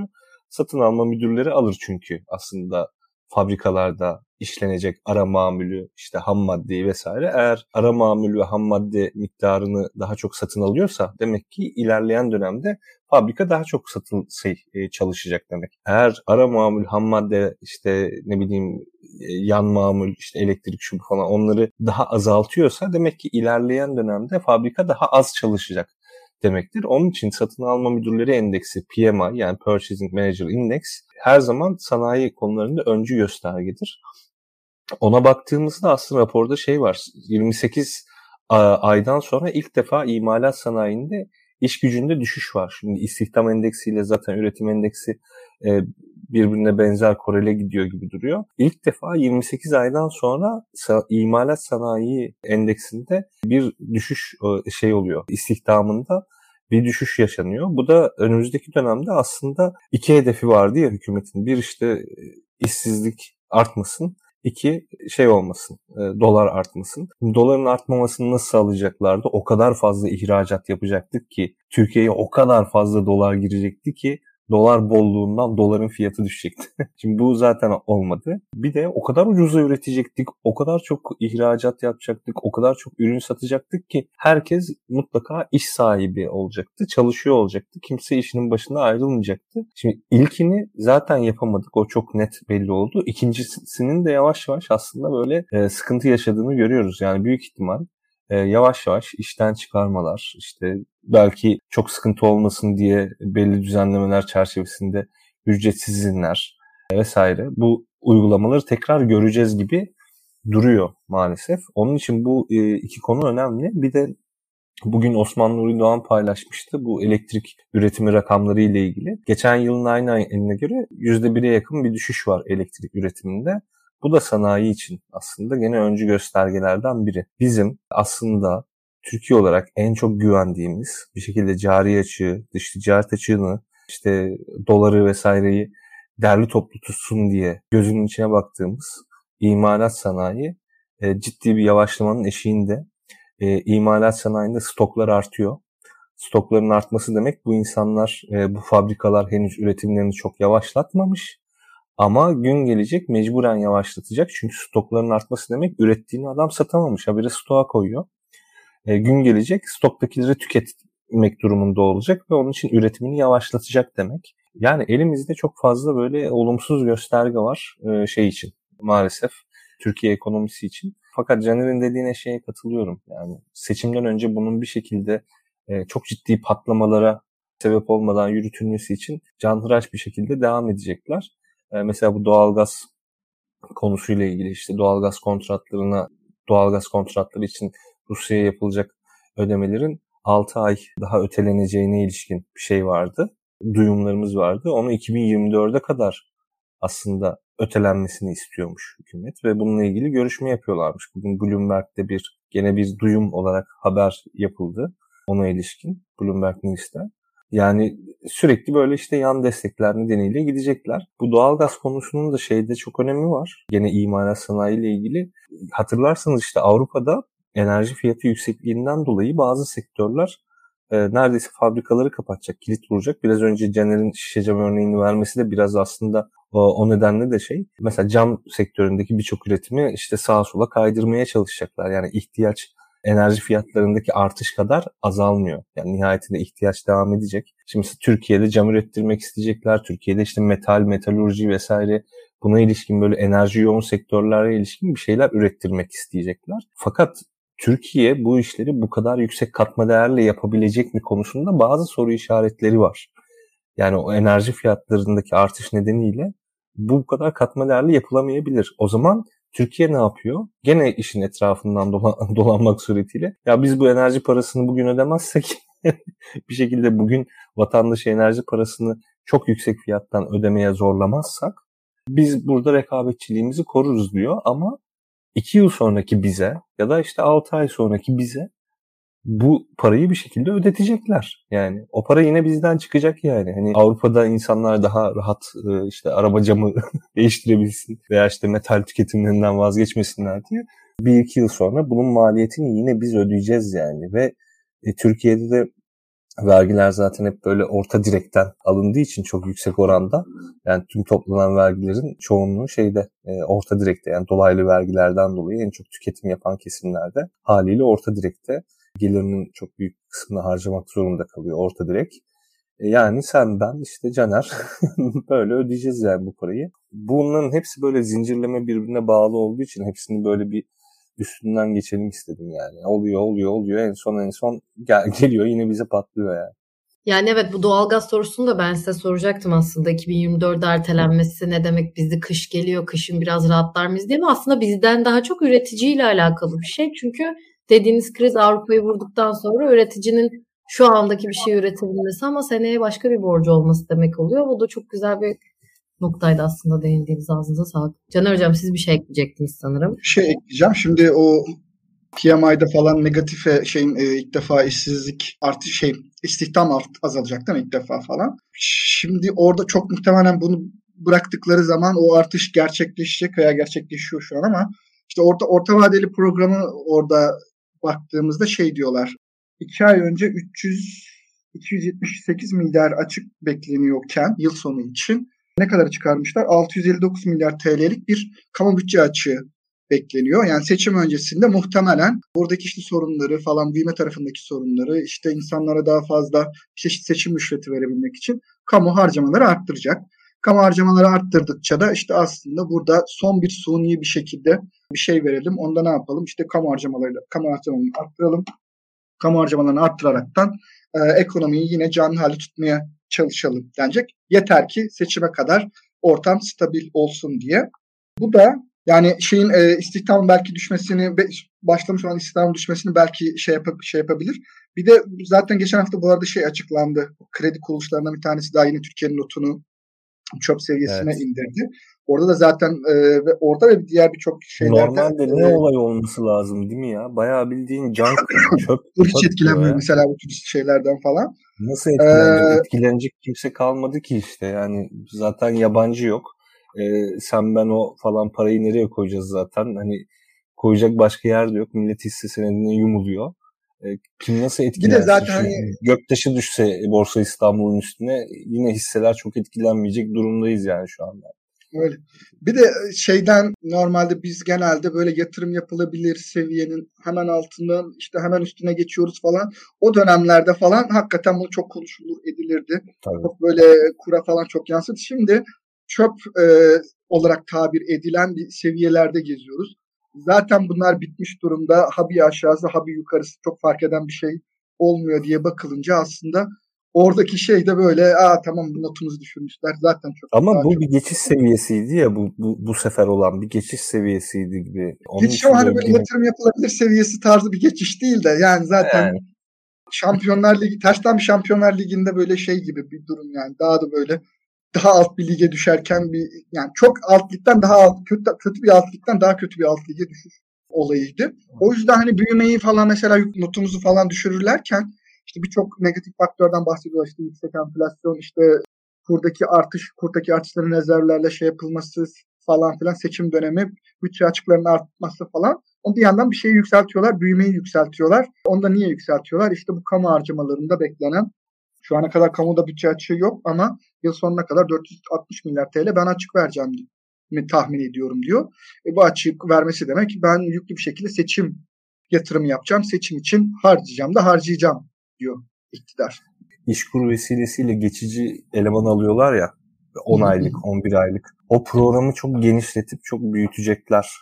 Yine millet böyle AK Parti il başkanlıklarında, ilçe başkanlıklarında falan yatacak. Yani insanlar da ne yapsın ihtiyaçları var. Şey için 10 aylık işte yok bilmem ne camisinde temizlik görevlisi, bilmem ne okulunda işte çay dağıtmakla sorumlu kişi falan gibi böyle niteliksiz geçici işler e, alıyor. İşkur bunu da bir program dahilinde yapıyor. Evet. E, o programı çok büyütecek büyük ihtimalle ki o program zaten bir önceki seçimde çok büyütülmüştü. Şimdi normal seviyelerine geldi. Şimdi yeniden büyütülecek. Belki bu verilecek açığın yani %20'si falan filan benim tahminim. Şöyle bir şey yaptığımda işsizliğin azalmaması için gereken miktara baktığımda e, doğrudan bu işkur programına falan filan bile aktarılabilir. Yani evet bir taraftan da geçen haftada ya da iki hafta önceki yayında da bu kamu harcamalarının bir şekilde seçim işte harcaması olduğunu çünkü seçim geliyor bir şekilde yatırım yapmak lazım. Medya yatırımıdır, duyuru yatırımı. Oraya da açacağını konuşmuştuk. Şimdi bunu da konuşuyoruz. Bakalım kamunun ne kadar parası kaldı. Caner Hocam bir de sizden bugün Daktilo'da... Değil mi Pırıl? E, lafını kesiyorum da biz harcayıp duruyoruz bu parayı bu programda. Geçen hafta siz harcadınız. Bu hafta da biz biraz harcadık. Bakalım haftaya ne olacak. Bakalım haftaya nereye harcayacağız olmayan parayı gerçekten kamunun ne kadar parası var bilmiyorum her yere harcayacağız. yani siz de şeyi de sormak istiyorum size Caner Hocam. Bugünkü yazınızı da okudum aslında haftalık ekonomi bülteni. Her hafta bir bülten bir ekonomi yazısı, yazısı yayınlıyor Daktilo'nun e, internet sitesinde Caner Hoca. Orada da Türkiye ekonomi modelinden bahsetmişsiniz. Aslında bizi şahlandıracak Nebati'nin açıkladığı çok da umutlu olduğumuz bir ekonomi modeli vardı ama şu anda benim anlayabildiğim kadarıyla ithalatımız ihracattan büyük olduğu için inanılmaz bir dış ticaret açığı var ve bu ekonomi modeli hala çalışır bir düzeyde değil. Hem bunlar var hem sürekli faiz iniyor hem bir yerde kur varken bunu kısaca bize nasıl özetlersiniz? Bu ekonomi modeli tamamen fail etmiştir diyebilir miyiz? Net konuşmayacağım. Tamamen dediğimiz zaman şey oluyor yine risk alırız.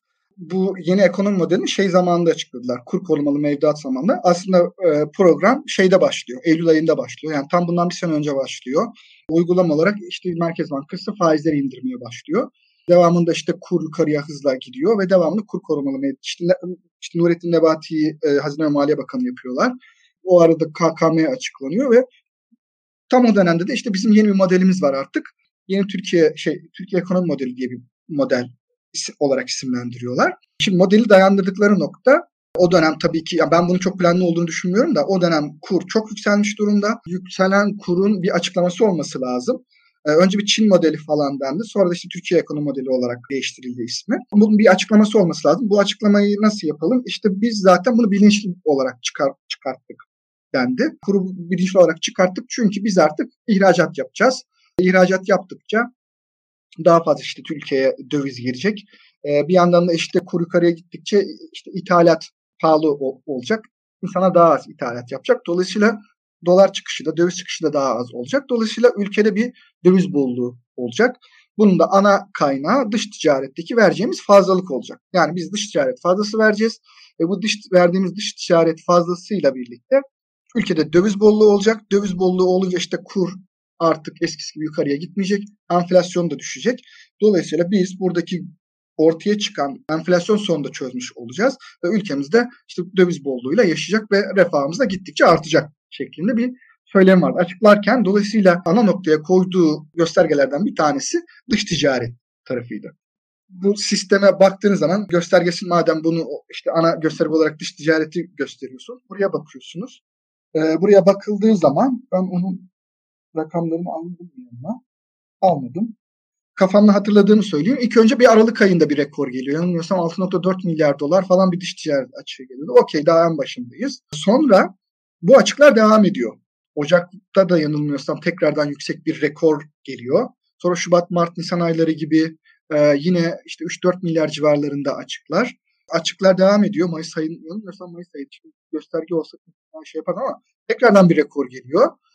Geçen ay tekrardan bir açık rekoru daha geliyor Temmuz ayında. Geçen aydan kastım Temmuz ayı. 10 milyar civarı bir dış ticaret açığı gerçekleşiyor. En son işte geçen hafta açıklanan Ağustos ayı verileri var. Orada da 11 milyar doların üzerine çıkmış bir dış ticaret açığı var. Bu bize şunu gösteriyor. Değil e, hani dış ticaret fazlası vermemiz. Dış ticaret açığında rekor kırıyoruz. Her ay gittikçe daha da artan bir açık oluşuyor. O zaman da bu modelin aslında hiç de çalışmadığını yani durduk yere sadece fakirleştiğimizi, üzerine enflasyon olduğunu, üzerine işte kurdan dolayı insanların alım gücü düştüğünü görüyoruz. Ve üzerine dış ticaretimizin daha da kötüye gittiğini görüyoruz. Bunun bir kısmı tabii ki şununla açıklanabilir enerji tarafı. Yani enerji maliyetleri çok yükseldi. Bu oldu. Okey. Enerjiyi çıkartıyoruz. Öyle bakıyoruz. Hala açık var. Dolayısıyla hala ithalat ihracattan çok daha fazla artıyor. Böyle bir durum var. Dolayısıyla buradaki ana gösterge olarak koyulan dış ticaret fazlası gerçekleşmediği gibi dış ticaret açığı oldu.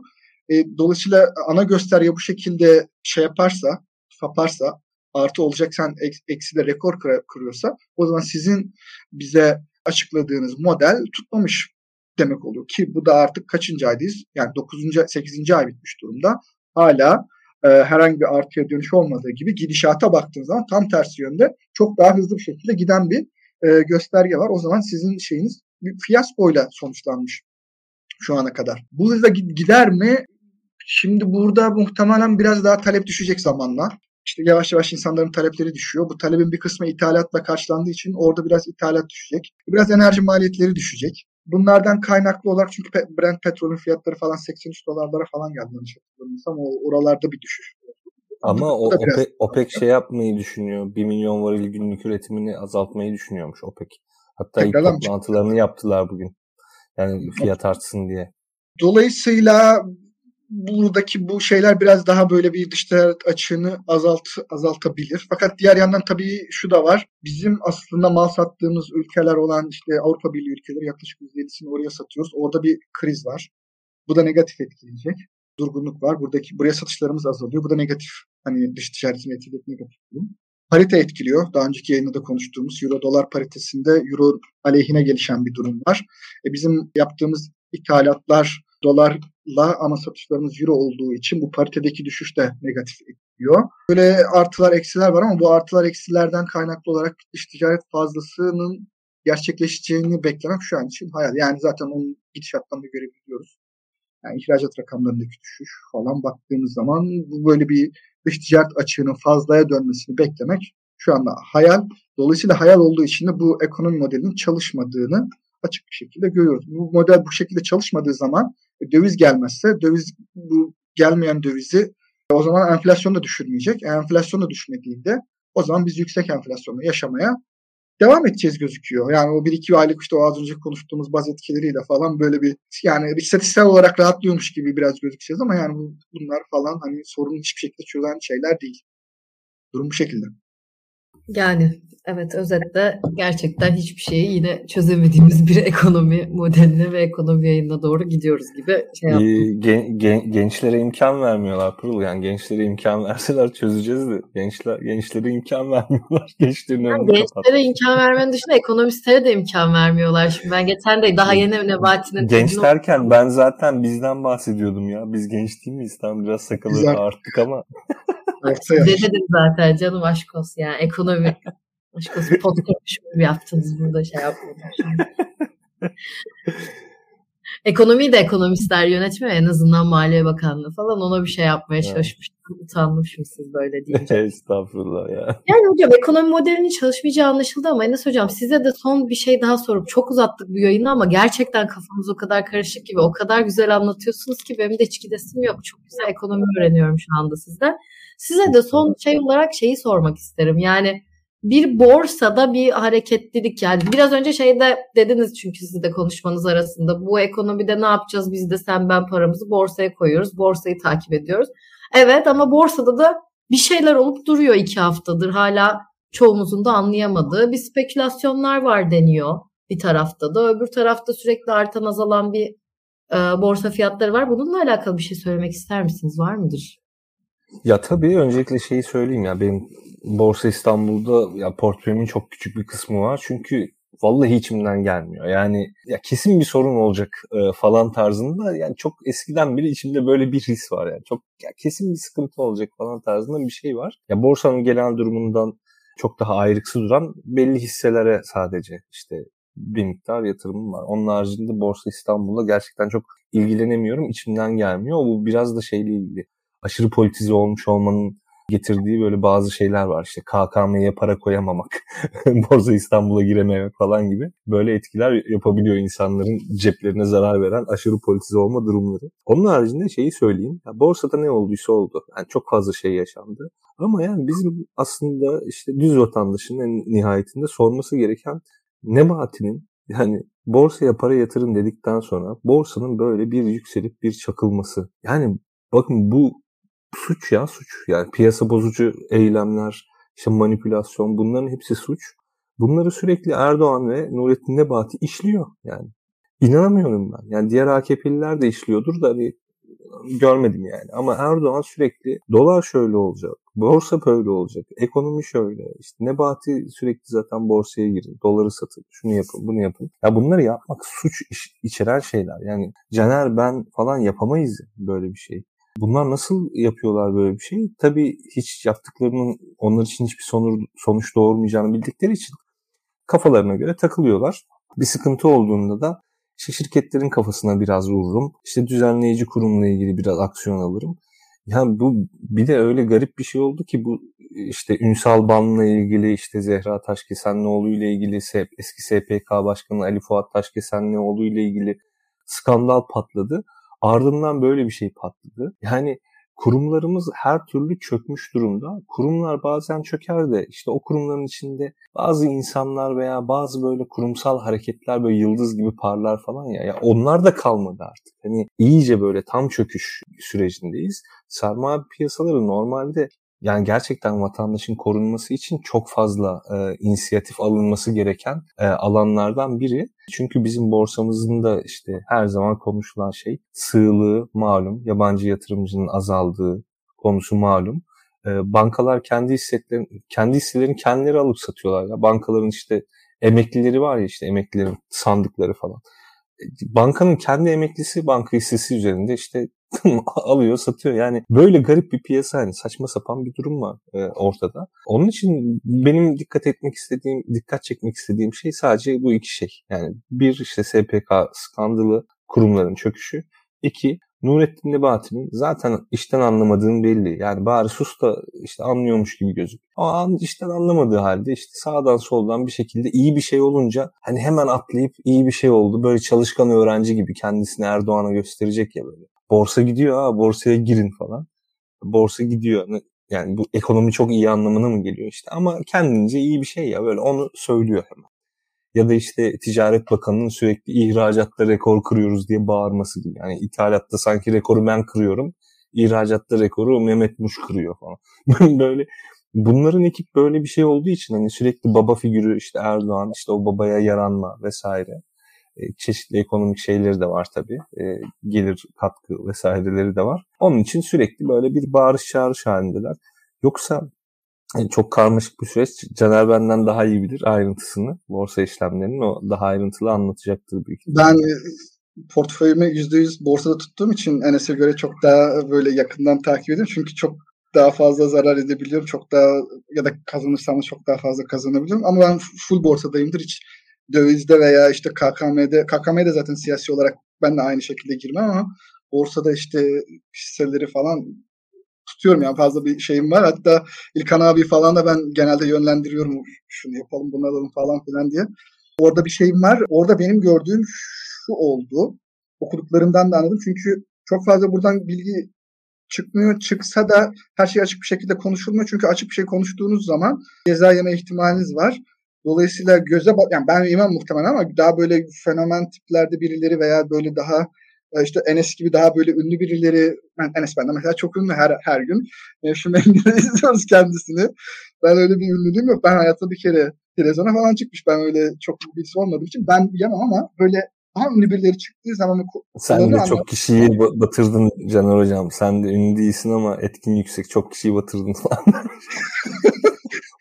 ben batırmadım ya. Ben batırım kötü gittiği günlerde şey oluyorum. Genelde hedef oluyorum böyle şey. Borsanın kötü, kötü gittiği dönemlerde. Ee, ama nerede yoklar yani. Burada benim tahminimce olan şu oldu. Burayı bir cazibe merkezi haline getirmek istediler. Bunu yapan da Nurettin Nebati'nin arkasındaki Erdoğan akrabası olarak tabir edebileceğimiz kişi. E, muhtemelen o yönlendiriyor diye tahmin ediyorum ben. E, burayı cazip hale getirmek istiyorlar ve buradaki e, çünkü başka bir doğru düzgün şey alanı yok. E, insanların yatırım yapabileceği yer yok. En fazla kur korumalı mevduata yatırıyorlar veya buraya yatırıyorlar. Fakat kur korumalı mevduata yatırdığınız zaman bunun için e, devlet yüksek faiz ödüyor. Veya işte dolar tutanlar için dolarda satıp borsaya geçmesi iktidar için iyi bir şey. Dolayısıyla burayı bir cazibe merkezi haline getirmek istediler benim tahminim. Artı burayı yukarıya doğru çektiklerinde yani borsayı yukarıya doğru götürdüklerinde şey diyecekler ki dediler hatta işte bakın borsamız çok iyi, ekonomimiz işliyor, ekonomi gayet yerinde, ekonomi zaten iyi gittiği için borsada iyi gidiyor şeklinde bir burayı güzel bir yer olarak gösterecekler. Bana göre hala güzel bir yer de ama burada abartılı bir şekilde göstermeye çalışıyorlar. Bunun için de en uygun yöntem onlara göre şu olmuş. Biz banka hisselerini çıkartalım. Çünkü bankacılık sektörünün borsa içerisinde bir ağırlığı var. Yüksek bir ağırlığı var. O sektör üzerinden işlem yap işlem yapıp yukarıya çekerim. İşlem yapıp yukarıya doğru çekerken de işte borsa yukarıya gitsin, yüksek gözüksün. Ve de buranın zaten takaslarına falan baktığında yani şirketin hisseleri bak banka hisselerine özellikle kamu bankalarının hisselerine baktığınız zaman genelde kamunun elinde. Burada işlemleri çok daha rahat kendileri yapabiliyorlar. Şimdi böyle bir işe girişmişler ve benim okuduklarımdan anladığım çünkü dediğim gibi direkt bir şeyi göremiyoruz.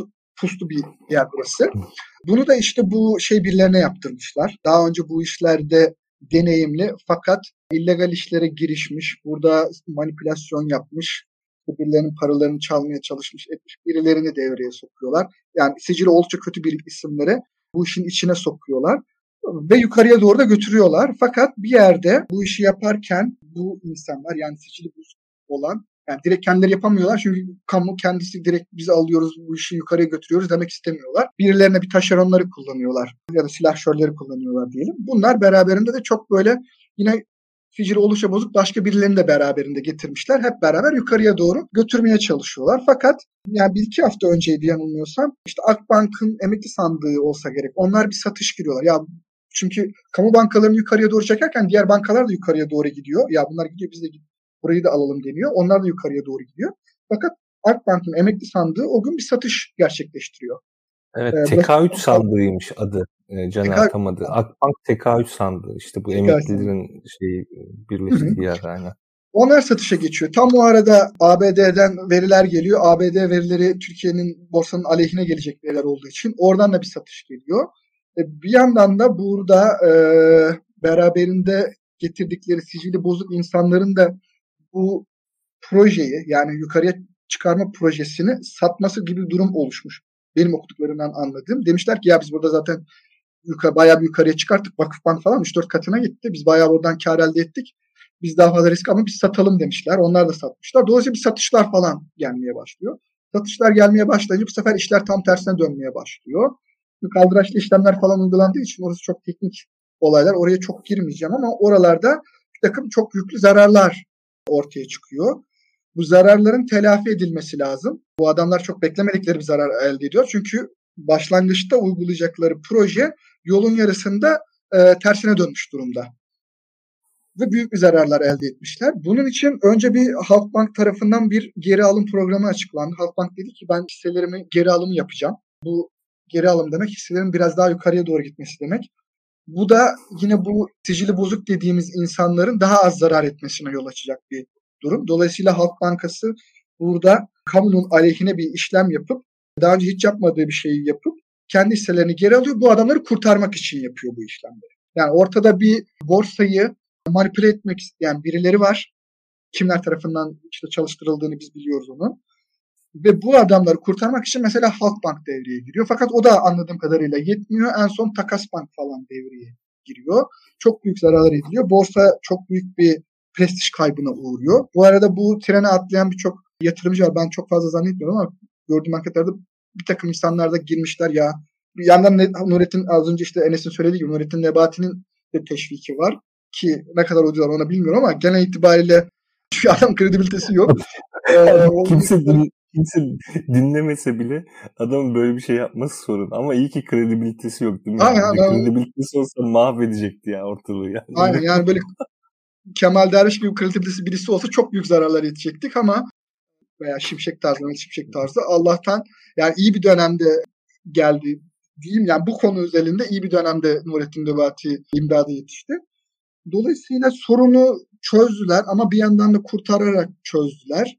Birçok böyle küçük yatırımcı bu işten zarar etti. Bu arada bu işlemler gerçekleştirirken hisseler çok hızlı çıktı. Çok hızlı çıkarken normalde şu yapılır. Ya bu hisseler çok hızlı çıkıyor. Bu hisseler bu kadar hızlı çıkmasını bizim engellememiz lazım. İnerken de ve çıkarken de bunu engellerler çünkü bu işlemler çok hızlı bir şekilde tersi de dönebilir. Terse dönerse yani çok hızlı çıkan bir hisse çok hızlı bir şekilde düşebilir.